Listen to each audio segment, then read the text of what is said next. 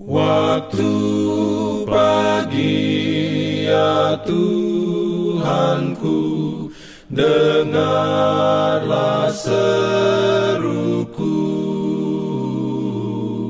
Melayang doa yang sungguh Memandang padamu Selamat pagi pendengar Radio Advent Suara Pengharapan.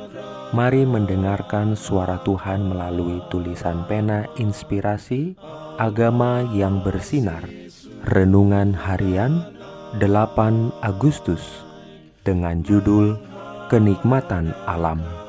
Ayat inti diambil dari Mazmur 111 ayat 2 Firman Tuhan berbunyi, besar perbuatan-perbuatan Tuhan, layak diselidiki oleh semua orang yang menyukainya. Tuhan beroleh rahmatnya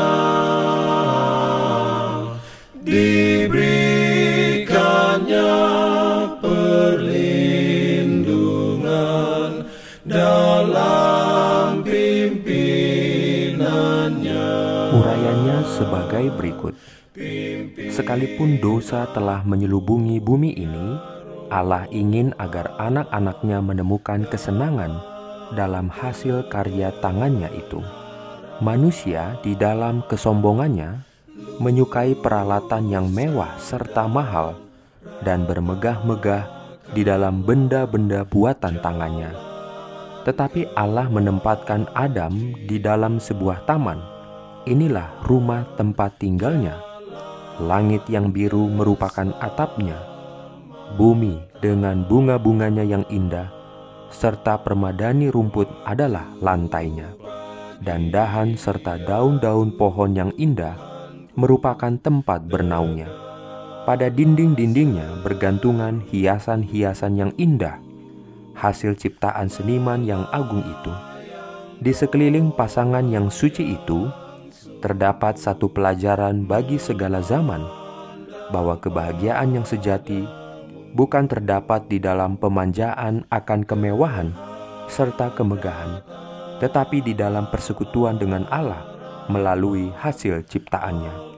Kalau saja manusia mau memberikan lebih sedikit perhatian kepada benda-benda buatan tangan manusia dan memupuk kesederhanaan, maka mereka akan lebih mengerti tentang maksud-maksud Allah dalam menciptakan manusia. Kesombongan dan ambisi tidak pernah terpuaskan, tetapi mereka yang benar-benar bijaksana akan mendapat kesukaan yang sejati di dalam sumber-sumber kebahagiaan yang ditempatkan Allah pada jangkauan semua orang. Amin. diberikannya